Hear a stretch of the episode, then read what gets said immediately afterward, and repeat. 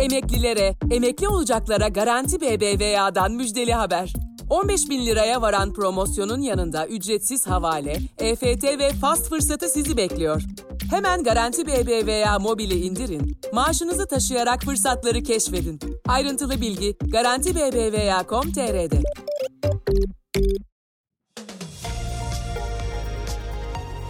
Kısa Dalga'dan herkese merhaba. Bugün 18 Ağustos Cuma. Ben Demet Bilge Erkasap. Gündemin öne çıkan gelişmelerinden derleyerek hazırladığımız Kısa Dalga bültene başlıyoruz. Yaklaşık 6,5 milyon memur ve memur emeklisini kapsayan toplu sözleşmede hükümet ikinci zam teklifini açıkladı. Hükümet 2024'te ilk 6 ay için %15, ikinci 6 ay için %10 zam teklif etti. Kamu işvereni ilk teklifine göre sadece 2 puanlık artış yapmış oldu. 2025 önerisinde ise değişiklik yapılmadı. 2025 için ilk 6 ayda %6, ikinci 6 ayda %5 zam teklif edilmişti.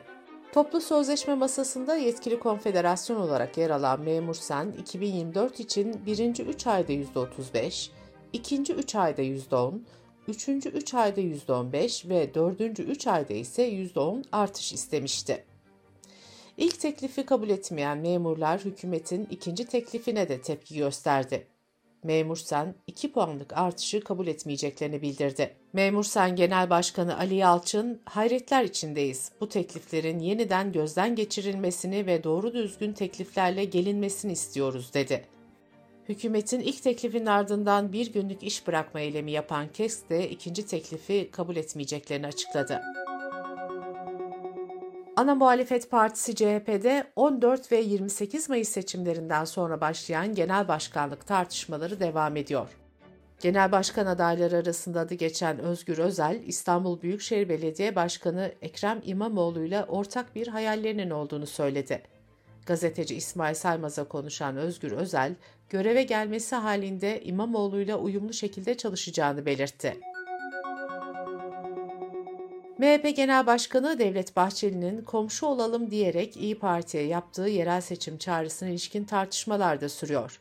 İyi Parti'nin kurmaylarından Bahçeli'nin çağrısına olumsuz yanıt gelmiş, MHP de buna tepki göstermişti. İyi Parti Genel Başkan Yardımcısı Mehmet Tolga Akalın ise Bahçeli'ye dikkat çeken bir çağrı yaptı milletleşme sürecinin önündeki en büyük tehdidin siyasal İslam olduğunu belirten Akalın, komşuculuğun yetmeyeceğini, üçüncü yolun kurulması gerektiğini kaydetti. 17 Ağustos Marmara depreminin 24. yıl dönümünde Türkiye'nin depreme hazırlıksız olduğu bir kez daha vurgulandı. İnşaat Mühendisleri İstanbul Şube Başkanı Füsun Sümer, Deprem Araştırma Komisyonu'nun 2021 tarihli raporundan veriler açıkladı. Buna göre Türkiye'de 10 milyon civarında olan yapı stoğunun 6-7 milyon civarında olan kısmı riskli statüsünde. Sümer ayrıca İstanbul'da da 600 bin yapının riskli olduğunu vurguladı. Cumhuriyet Halk Partisi Yoksulluk Dayanışma Ofisi suça sürüklenen çocuklarla ilgili raporunu açıkladı. Rapora göre 2010 yılında 100 binin altında olan suça sürüklenen çocuk sayısı 2002'de ikiye katlanarak 207 bine yaklaştı. Çocuklara isnat edilen öncelikli 3 suç ise yaralama, hırsızlık ve uyuşturucu oldu. Milli İstihbarat Teşkilatı ilginç bir dolandırıcılık operasyonuna imza attı. Yapay zeka uygulamasıyla Cumhurbaşkanı Erdoğan'ın sesini taklit edip bazı iş insanları ile üst düzey kamu yöneticilerini arayarak çıkar sağlamaya çalıştığı öne sürülen bir kişi gözaltına alındı. Hava sıcaklıkları tüm yurtta etkili olurken İstanbul'a su sağlayan barajlardaki su miktarı da azalıyor. Barajlardaki suyun %33 seviyelerine kadar düştüğünü açıklayan İSKİ, yurttaşlardan su tasarrufu yapmalarını istedi. İSKİ'nin bazı önerileri şöyle. Banyoda geçirdiğiniz süreyi bir dakika kısaltın. Duş esnasında sabunlanırken ya da el yüz yıkarken suyu açık bırakmayın. Çamaşır ve bulaşık makinelerini tam doldurmadan çalıştırmayın.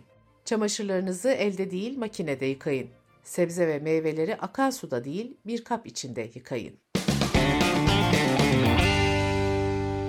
Kısa Dalga Bülten'de sırada ekonomi haberleri var. Hazine ve Maliye Bakanı Mehmet Şimşek, Türkiye'nin bu yıl %4,5 seviyesinde büyüyeceğini belirtti. Sadeleşme ve sıkılaşma adımlarının devam edeceğini açıklayan Şimşek, fiyat istikrarı ve sürdürülebilir büyümeyi hedeflediklerini vurguladı.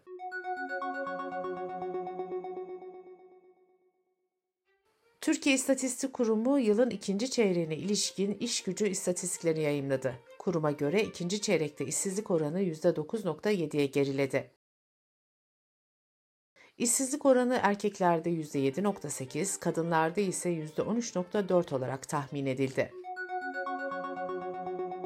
Merkez Bankası'nın açıkladığı son verilere göre Haziran sonu itibariyle kısa vadeli dış borç stoğu 2022 yıl sonuna göre %9.2 oranında artarak 162.8 milyar dolara ulaştı.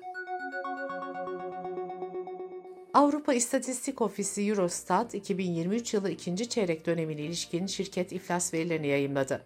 Buna göre söz konusu dönemde Avrupa Birliği ülkelerinde şirket iflas sayısı bir önceki çeyreğe göre %8.4 oranında arttı. Şirket iflasları verilerin toplanmaya başlandığı 2015'ten beri ölçülen en yüksek seviyeye ulaştı. Dış politika ve dünyadan gelişmelerle bültenimize devam ediyoruz. Rusya'nın 17 Temmuz'da Tahıl Koridoru Anlaşması'ndan çekilmesinden sonra Karadeniz'de başlayan belirsizlik sürüyor. Ukrayna yönetimi Rusya'nın deniz ablukasını Çin'e ait Hong Kong bandıralı ticari bir gemiyle delme girişimi başlattı. Geminin Rus denetim bölgesinden geçmesi halinde Ukrayna limanlarında bekleyen 60 ticari gemi için de yol açılmış olacak. Öte yandan Ukrayna'nın tahıl satışını engellemeye çalışan Rusya, önceki gece Tuna Nehri'ndeki iki limanı da yeniden vurdu. Tahıl sevkiyatı konusunda bir iddia da Amerikan Wall Street Journal gazetesinden geldi. Gazete, ABD yönetiminin Türkiye ve Ukrayna hükümetleriyle temasa geçerek Rusya'nın içinde olmadığı yeni bir anlaşma üzerinde çalıştığını öne sürdü. Avrupa Birliği daha önce Rusya ve Belarus için tahsis ettiği 135 milyon euroluk işbirliği programlarını iptal etti. Birlik bu paranın Ukrayna ve Moldova ile işbirliğinin güçlendirilmesi için kullanılmasına karar verdi. ABD'nin Hawaii eyaletinde yaklaşık 10 gündür devam eden orman yangınları nispeten kontrol altına alındı. Yangınlarda can kaybı yüzü aşarken Hawaii yangınları ABD'de yaşanan en ölümcül yangınlar olarak kayıtlara geçti. Amerika'da bir federal temiz mahkemesi kürtaj hapına kısıtlama kararı aldı. Kürtaj karşıtı gruplar güvenli olmadığını iddia ederek ilacın yasaklanmasını istiyordu. Beyaz Saray sözcüsü Karine Jean-Pierre ise karara tepki gösterdi. Jean-Pierre, kadınların kendi bedenleri hakkında karar verme özgürlüğü için savaşmaya devam edeceklerini vurguladı. Almanya'da esrarın kısmen yasallaştırılması yönünde hazırlanan yasa tasarısı kabul edildi. Tasarıya göre 18 yaşından büyükler 25 gram esrar bulundurabilecek ve evlerde 3 kök kenevir bitkisi yetiştirilebilecek. Esrar kulüpleri olarak adlandırılan derneklerde üyelerin uyuşturucuyu toplu olarak yetiştirmelerine ve birbirlerine dağıtmalarına da izin verilecek. 18 yaş altındakiler içinse esrar bulundurma ve tüketme yasağı da devam edecek. Rusya'nın Ay'da su ve yeraltı kaynakları arama amacıyla yolladığı Luna 25 uzay aracı Ay yörüngesine ulaştı. Aracın 21 Ağustos'ta Ay'a inmesi planlanıyor. İnsansız araç Ay'da su arayacak ve olası yeraltı kaynakları hakkında veri toplayacak. Dünya Kaynakları Enstitüsü'nün son araştırmasında iklim değişikliği ve çeşitli nedenlerden dolayı dünya nüfusunun dörtte birine ev sahipliği yapan 25 ülkenin su kriziyle karşı karşıya olduğu belirtildi.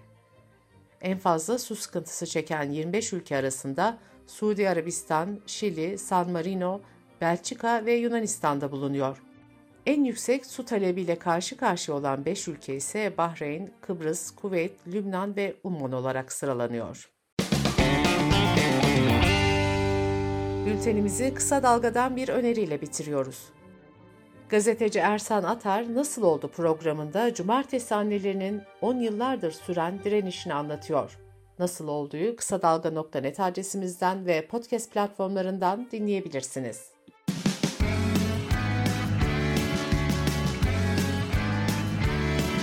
Kulağınız bizde olsun. Kısa Dalga Podcast. Emeklilere, emekli olacaklara Garanti BBVA'dan müjdeli haber. 15 bin liraya varan promosyonun yanında ücretsiz havale, EFT ve fast fırsatı sizi bekliyor. Hemen Garanti BBVA mobili indirin, maaşınızı taşıyarak fırsatları keşfedin. Ayrıntılı bilgi Garanti BBVA.com.tr'de.